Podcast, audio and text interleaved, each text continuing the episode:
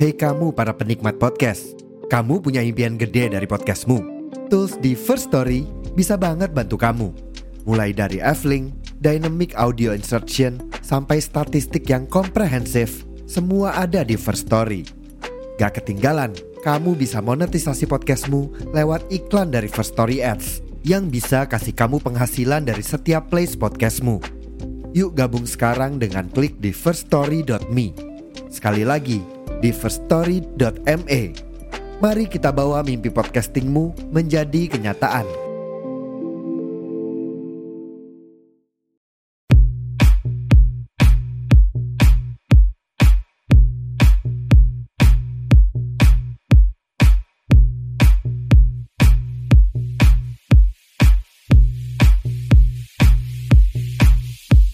Assalamualaikum warahmatullahi wabarakatuh. Hai Bu Ibu, gimana rasanya udah bisa ngelewatin tengah bulan September? Lega? Asik banget nih kalau punya perasaan kayak gitu. Atau mungkin Bu Ibu justru ngerasa mengkis-mengkis gitu. Mengkis-mengkis tuh uh, apa ya? Hmm, mengkis-mengkis tuh semacam susah nafas gitu loh. Kayak uh, menggeh-menggeh gitu kalau di Jawa ya. Kayak ngos-ngosan gitu kayak abis lari maraton gitu kan. Tapi mengkis-mengkis nih kadarnya lebih sedikit oksigen yang terhirup ya, alias nafasnya tuh pendek-pendek gitu ya. Mungkin ada beberapa bu ibu yang setelah melewati tengah bulan ini merasa mengkis-mengkis ya, memasuki fase mengkis-mengkis gitu karena mungkin harus mengetatkan ikat pinggang alias mengiritisasi. ngiritisasi ya alias harus ngirit gitu secara finansial demi bisa bertahan hingga akhir bulan. Tapi maybe juga banyak bu ibu yang justru ngerasa lega, ngerasa santai kayak di pantai gitu, nggak mikir lagi pengeluaran-pengeluaran wajib di paruh kedua bulan ini. Karena ya memang semua udah dilunasi di awal gitu. Ibaratnya tuh sekarang tinggal ongkang-ongkang kaki, minum es teh jumbo 3 ribuan, menikmati hari sambil hahaha hahaha dapat pujian dari mana-mana gitu ya. Dibilang sama tetangga, wah bu cerdas banget ya berarti ngatur keuangannya bisa tetap ada sisa buat akhir bulan gitu. Atau pujian lagi datang dari teman arisan. Wah, pinter banget nih pasti hitungan duitnya, teliti sampai bisa buat ngafe-ngafe di akhir bulan gitu. Mungkin circle yang lain ya, sama ibu-ibu wali murid gitu ya, dapat pujian juga. Wah, keren banget bu. Kok bisa ya nggak ada utang sampai akhir bulan gitu, bla bla bla bla bla. Pujian datang bertubi-tubi karena bu ibu kayaknya kok santuy aja gitu ya. Lah karena pujian yang datang bertubi-tubi itu lalu Bu Ibu jadi agak gede kepala gitu ya Bu, merasa ada yang merhatiin. Lalu kalau ada apa-apa, Bu Ibu ini jadi referensi buat bertanya. Ibu jadi merasa bahwa wah, gue ternyata penting ya. gue ternyata dibutuhin ya. Wah, gue jadi role model nih gitu. Tapi tanpa sadar, siklus ini membuat ibu jadi sedikit berubah jadi apa ya mulai mencintai diri sendiri itu secara berlebihan gitu. Karena pujian pujian-pujian yang datang tadi gitu. Dan kemudian mulai merasa bahwa you are the most important person gitu kan. You have to be the attention center of the universe gitu loh. Wah. Waduh waduh waduh waduh. Orang bahaya tuh iki. Eh bu Jangan-jangan Bu Ibu kena NPD nih.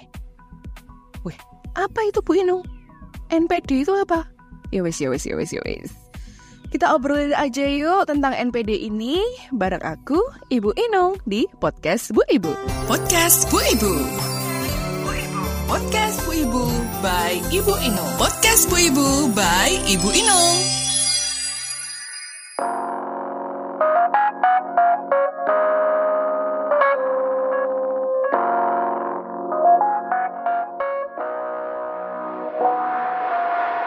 Ibu, udah wajar ya kalau kita sebagai human being itu pasti seneng kalau mendapat uh, perhatian gitu ya. Siapa sih yang nggak seneng diperhatiin ya? Tapi tentunya uh, perhatian yang ditujukan ke kita tentunya ini positive way ya dan itu bisa bikin kita tuh seneng banget gitu. Perhatian yang ditujukan ke kita pun karena kita itu dinilai melakukan sesuatu hal yang positif gitu. Tapi kadang ya ada uh, satu sisi dalam diri kita ya Bu ya yang sepertinya kok nagih ya kalau diperhatikan sama orang lain gitu. Dan kemudian kita merasa uh, perlu untuk itu gitu ya. Kita butuh diperhatiin gitu. Kita perlu orang lain merhatiin kita kasih kredit gitu ke uh, kita atas apa yang kita lakukan atas apa yang uh, kita pakai misalnya tentang how we look tentang uh, what we have gitu, tentang prestasi-prestasi kita gitu. Semakin dipuji, semakin membuat diri kita itu jadi ngerasa iyalah gue gue nih loh gitu. Jadi semacam selalu butuh validasi gitu. Dan kadang hal ini nggak ngelihat waktu dan tempat ya, bisa di mana saja, bisa kapan saja. Terutama pas kita biasanya lagi sama bu ibu yang lain gitu. Kita berusaha untuk uh, ngedapetin ucapan validasi bahwa you are better than them gitu. Bahwa ibu tuh lebih baik dari ibu-ibu yang lain gitu. Dan kalau udah dapet itu jadi happy ya perasaan kita jadi tenang jadi puas gitu satisfied gitu. Tapi kalau enggak ya misalnya kita udah sengaja nih melakukan sesuatu gitu uh, supaya kemudian dapat validasi dari orang lain dari circle kita gitu misalnya ternyata tidak ada pujian misalnya. Mereka tidak jadi mengagumi kita gitu. Jadinya kita uring-uringan. Kita jadi nggak tenang gitu kemudian ada anxiety muncul. Merasa bahwa orang lain wah ternyata orang lain udah nggak perhatian nih sama aku kayak gitu. Dan akhirnya ngerasa bahwa gue nggak ada artinya nih buat mereka. Gue nggak dibutuhin gue nggak penting gitu. Lalu mulai overthinking dan menilai bahwa hidup gue tuh nggak ada gunanya gitu. Nah apakah bu ibu pernah ngerasa kayak gitu? Pernah. Jadi bu ibu itu semacam selalu haus akan perhatian pujian gitu ya kekaguman gitu tapi kalau nggak dikasih ibu merasa hidupnya nggak tenang merasa ada yang salah dengan hidup ibu gitu. Pernah ngerasa kayak gitu? Waduh, Bu, jangan-jangan punya NPD, Bu. Pernah denger ya, Bu ya, NPD, NPD. NPD ini singkatan dari Narcissistic Personality Disorder. Belakangan ini eh, rame banget di medsos ya, di mana-mana gitu. Narcissistic Personality Disorder atau yang biasa disebut NPD atau NPD. Tapi iya, masa gitu aja sih Bu Inung udah bisa langsung dicap sebagai seorang yang punya NPD gitu ya. Ya udah. Gimana kalau kita kulik-kulik ya soal gangguan kepribadian yang satu ini. Oke? Okay?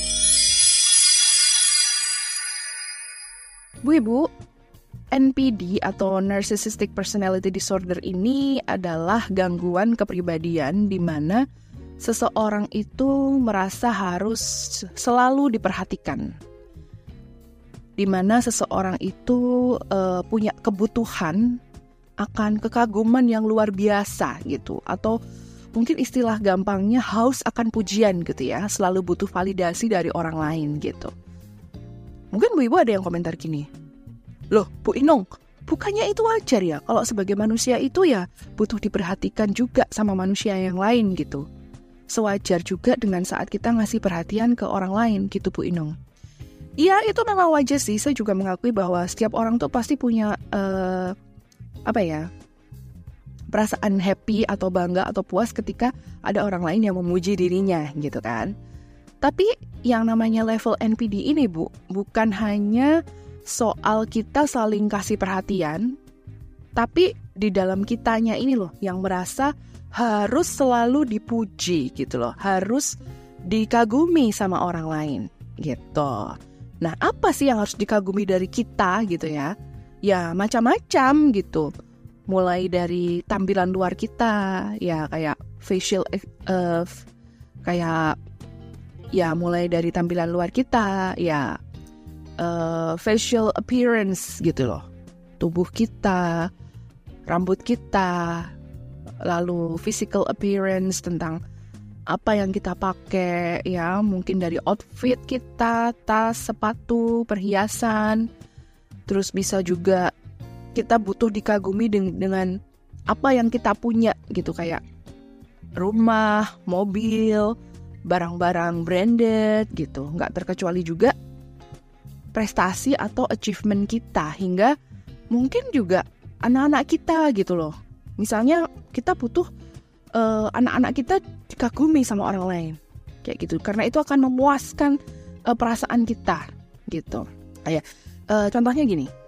Ibu secara sadar menceritakan ke teman-teman circle-nya ibu nih uh, misalnya tentang skincare apa yang biasa ibu pakai rutin.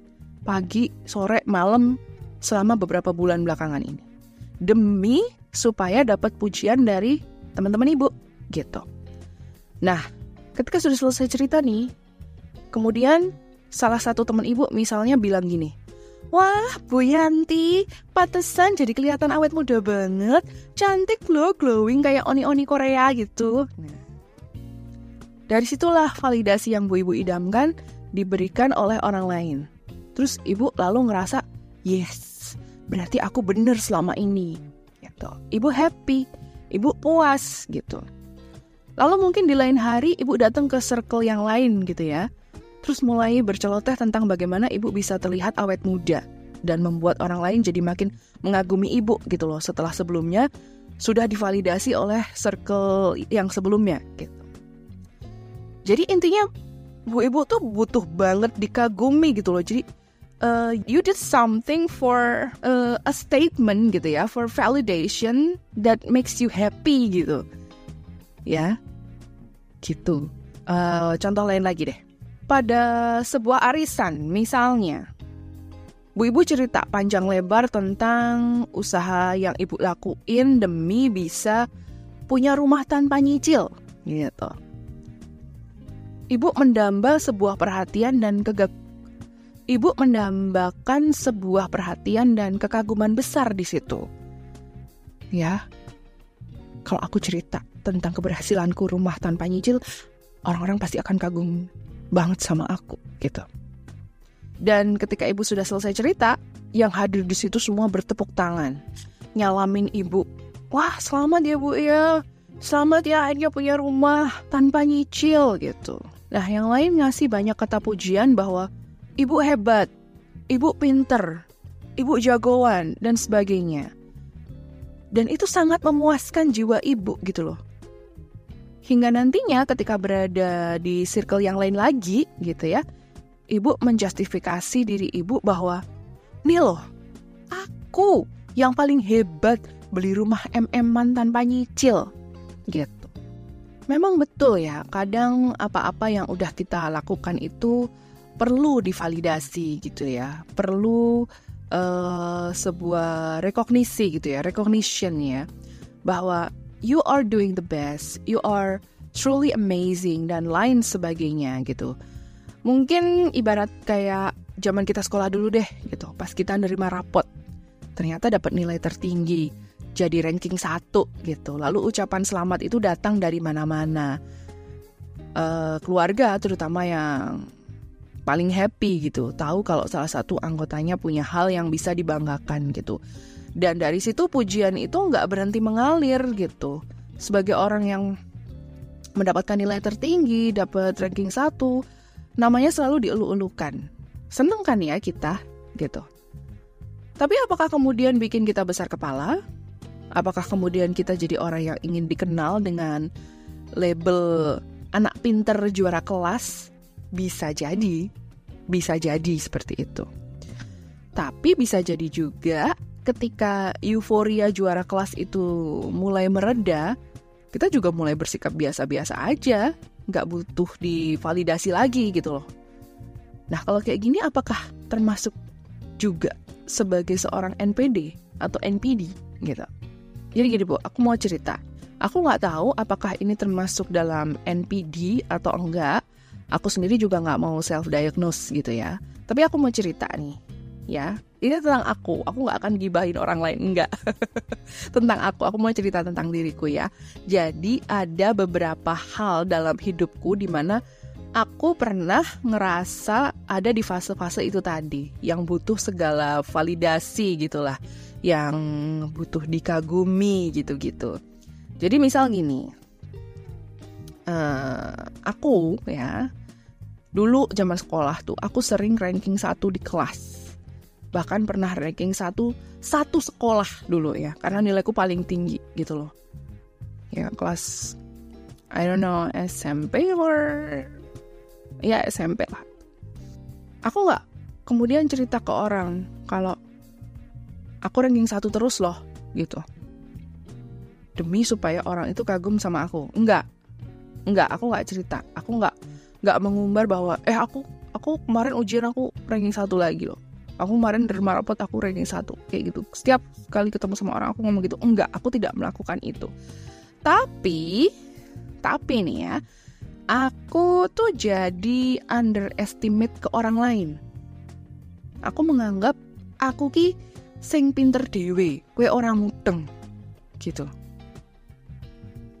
Dan karena itu aku mempertahankan statusku Uh, sebagai seorang ranking satu itu dengan sekuat tenaga ya, dengan daya upaya supaya tahta itu nggak jadi milik temenku gitu. Karena aku pernah kepikiran kalau aku nggak ranking satu lagi, berarti aku nggak dikagumi lagi, gitu. Pada saat itu aku ngerasa perhatian, kekaguman, dan pujian buat aku itu akan hilang kalau aku nggak jadi ranking satu lagi. Menurut ibu, apakah ini sebuah NPD ya karena aku ada pernah merasa tuh seperti itu lalu pernah secara nggak langsung pujian datang buat aku karena aku melakukan uh, asi eksklusif ya aku memberikan asi eksklusif kepada anakku gitu ya untuk sebagian orang bisa konsisten ngasih asi eksklusif selama enam bulan itu adalah sebuah prestasi besar. So they finally gave me a credit gitu. Nah, orang-orang ini ya aku kenal ya mereka gitu ya. Selalu memuji, wah hebat ya, Nong, kamu bisa ngasih ngasih eksklusif gitu, nggak pakai pak, uh, apa namanya, nggak pakai uh, sambungan susu formula gitu biar anaknya kenyang misalnya. Berarti sekarang masih begadang ya nyusuin langsung gitu. Wah keren banget gitu. Aku yang awalnya menganggap uh, memberikan ASI eksklusif itu adalah hal yang wajar yang dilakukan oleh banyak uh, ibu yang punya bayi gitu. Langsung mendadak senyum-senyum sendiri gitu. Merasa bahwa pilihanku benar.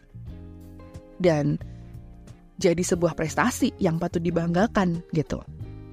Aku merasa seperti itu. Nah karena merasa tervalidasi gitu ya Lalu aku pernah menganggap bahwa ibu-ibu yang nggak ngasih eksklusif itu nggak keren.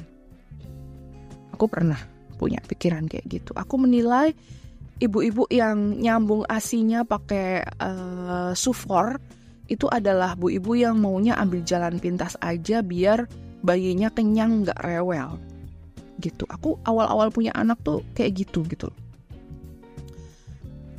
aku ngerasa aku yang ini loh gue gitu.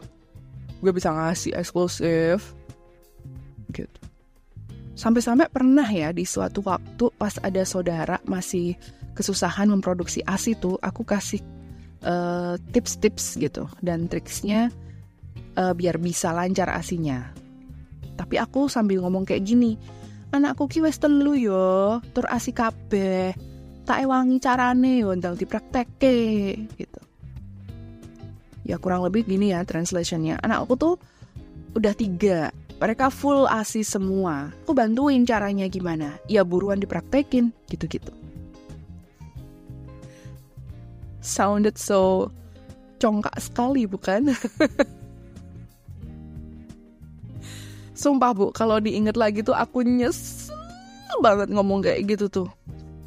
Maaf banget ya mbak yo. Aku pernah ngomong kayak gitu sama kamu gitu kan aku ngomong kayak gitu pada saat itu karena aku butuh validasi lebih gitu loh bahwa aku nih bisa ngasih treatment yang sama ke anak-anakku semua yaitu ASI eksklusif ASI sampai 2 tahun gitu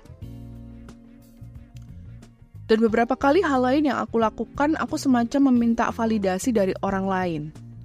Aku pengen denger pujian, aku pengen baca komentar pujian, aku mau orang setuju sama aku.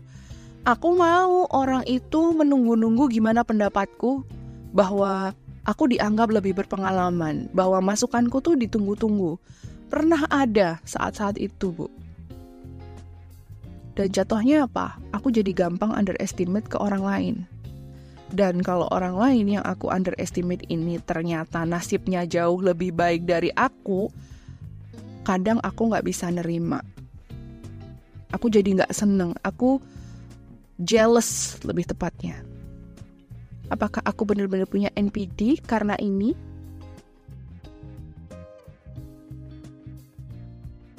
Bu Ibu, salah satu hal yang jadi ciri NPD adalah bahwa dia itu bisa sangat manipulatif terutama kalau lagi ada konflik dengan orang lain. Jadi, seorang NPD ini sangat bisa memutarbalikkan fakta sehingga lawan konfliknya ini justru merasa bersalah gitu. Jadi meskipun seorang NPD ini sebenarnya salah, tapi dia bisa bikin orang lain justru feel guilty gitu loh. Ya, kayak mungkin pakai flare di foto priwet sampai ngebakar Bromo, tapi terus dianya yang nyalahin petugas jaga Bromo sama nyalahin karena nggak ada peraturan tertulisnya gitu. contoh, ini contoh ya, contoh. Tapi hmm, bentar-bentar sih ya, tak inget-inget dulu ya. Pernah nggak ya aku kayak gitu gitu? Seingatku sih nggak pernah ya.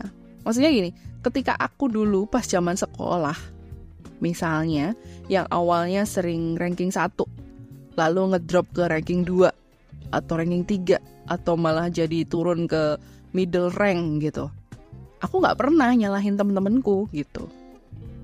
Justru aku ngerasa apa yang salah nih dari gue kok rankingku ngedrop gitu. Ini sih bukan NPD ya, tapi ambis. Terus juga mungkin soal ngasih eksklusif gitu seingatku sih aku nggak pernah berkonflik sama siapa pun juga sih. Ya hanya sekedar underestimate aja. sekedar. no, I mean gini, aku nggak pernah main nyalah-nyalahin gitu loh. Misal bilang, lo kan kamu sendiri yang ngasih susu sambung pakai dot, jadinya bayinya keenakan pakai dot tuh karena flownya lebih lancar. Dia nggak perlu ngenyat-ngenyat kenceng puting susumu itu. Dia nggak mau ngasih langsung karena udah bingung puting. Aku nggak kayak gitu gitu loh. Nggak nyalahin orang yang kesusahan memproduksi aksi gitu. Aku malah justru dengan senang hati bantu kasih solusi gimana biar bisa nyusuin lancar gitu. Gimana biar bayinya nyaman pas disusuin gitu.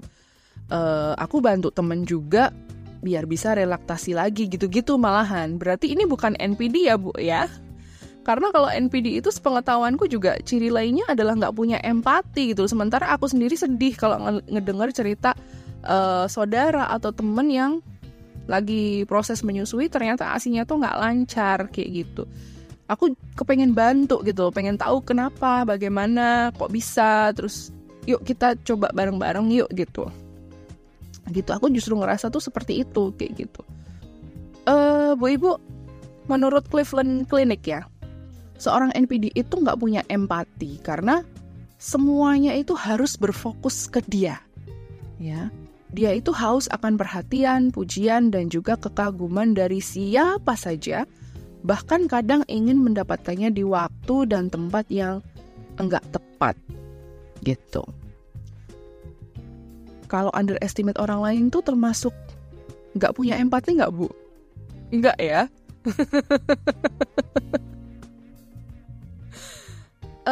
menurutku underestimate itu lebih ke penilaian kita sih ke orang lain bahwa orang lain nggak bisa kayak kita gitu loh bahwa orang lain nggak akan bisa ngelakuin itu orang lain nggak bakalan achieve gitu loh seperti yang apa yang kita achieve gitu Tapi ini juga nggak bener sih menurutku karena jatuhnya jadi apa ya kita jadi punya sifat sombong gitu, angkuh gitu, congkak gitu. Dan fortunately aku menyadari itu gitu. Maksudnya gini bu, aku sadar bahwa ternyata banyak orang yang aku kenal itu berbeda dari penilaianku terhadap mereka dahulu. Ternyata aku nggak lebih baik dari mereka yang sekarang lebih sukses, lebih terkenal misalnya lebih berilmu, lebih canggih, lebih hebat gitu. Nyesel sudah menilai salah? Apakah aku nyesel sudah menilai salah orang-orang yang uh, atau teman-teman atau mereka-mereka yang pernah aku kenal dulu? Um, enggak juga sih ya, tapi lebih ke kemudian aku jadi melihat ke diriku sendiri gitu loh aku jadi introspeksi bahwa oh iya berarti aku masih harus meningkatkan value diriku sendiri gitu loh. Ini adalah sebuah PR besar supaya aku uh, bisa menambah value. Tapi bukan hanya untuk dikagumi saja gitu loh. Terus apakah aku jealous setelah melihat bahwa mereka lebih dari aku? Jelas. Tapi kemudian ini jadi cambuk buat aku gitu bahwa aku harus bisa catch up ini orang gitu. Tapi dengan value aku sendiri gitu ya. Kalau ini kan bukan berarti saya NPD ya Bu ya. ini kok saya malah nyoba menegakkan diagnosa sendiri ya. Karena kalau NPD uh, eh, sekali lagi seperti aku sebut tadi, dia itu butuh buat selalu dikagumi gitu loh. Iya Bu ya udah ada gambaran ya Bu ya tentang NPD ini? Ya, udah ada gambaran ya? Ya, itu tadi sedikit ceritaku ya Bu ya. Entah apakah disebut NPD atau enggak. Aku sendiri nggak mau self-diagnose. apakah aku harus ke psikiater atau psikolog? Kayaknya enggak ya. Aku nggak sampai segitunya minta disanjung-sanjung, dipuji-puji, dipuja, sampai minta di worship gitu. Enggak. Karena yang aku rasakan sekarang adalah kadang pengen di belakang layar aja gitu. Kreditnya bisa buat orang lain deh gitu karena justru kredit yang diterima terlalu banyak itu malah kayak jadi beban gitu loh buat aku sendiri gitu ya. Dan maintainnya itu akan susah gitu. And finally aku pun sadar akhirnya bahwa kalau emang mau menaikkan value diri ya kadang harus berlaku seperti gelas kosong yang siap diisi air pengetahuan dari orang lain gitu loh bahwa aku kita tuh harus membuka mindset, perluas mindset, membuka wawasan, kasih kesempatan diri kita buat berkolaborasi gitu. Dan aku ngerasa bahwa ketika kolaborasi itu terjadi antara aku dengan orang yang punya value berbeda gitu ya dalam artian bu, uh, bukan value-nya lebih rendah dari kita enggak tapi dia punya value sendiri yang memang uh, punya peran bisa membantu value kita itu meningkat gitu ya. Ternyata gelas kosong kita itu bakalan terisi. Dan POV atau point of view kita itu akan berubah gitu loh. Langkah kita pun jadi bisa dikoreksi gitu loh nggak semaunya sendiri ngikutin uh, kita pakai ambil jalan ini enggak kalau emang perlu harus belok dulu gitu ya belok dulu gitu. Kita mungkin bisa berjalan juga mengikuti uh, langkah orang lain kayak gitu. Nggak melulu mikirin dipuji nggak selalu nunggu dikagumi tapi lebih ke uh, usaha ningkatin value dan eksistensi gitu ya bu ya Bu Ibu bisa googling lagi tentang NPD in case Ibu punya cerita yang hampir mirip-mirip gini ya. Banyakin informasi tentang NPD ini. Misalnya pun bukan ibu yang perlu didiagnosa, tapi ada teman dekat atau saudara yang punya kecenderungan seperti itu ya, mungkin bisa disarankan untuk konsul ke uh, psikiater atau ke psikolog kayak gitu. And I really hope ya personality kita baik-baik aja ya, nggak ada disorder-disorder yang gimana-gimana gitu. Oke Bu Ibu, thank you for being here. Uh, semoga ceritaku ini juga membuka mindset Ibu melihat lagi ke dalam diri ibu pernah nggak ngelakuin seperti itu pernah nggak punya perasaan seperti itu kira-kira bagaimana harus uh, overcome itu semua gitu ya. I will see you again on my next episode. Tetap terus tungguin episode terbaru dari podcast Bu Ibu. Aku Ibu Inung see ya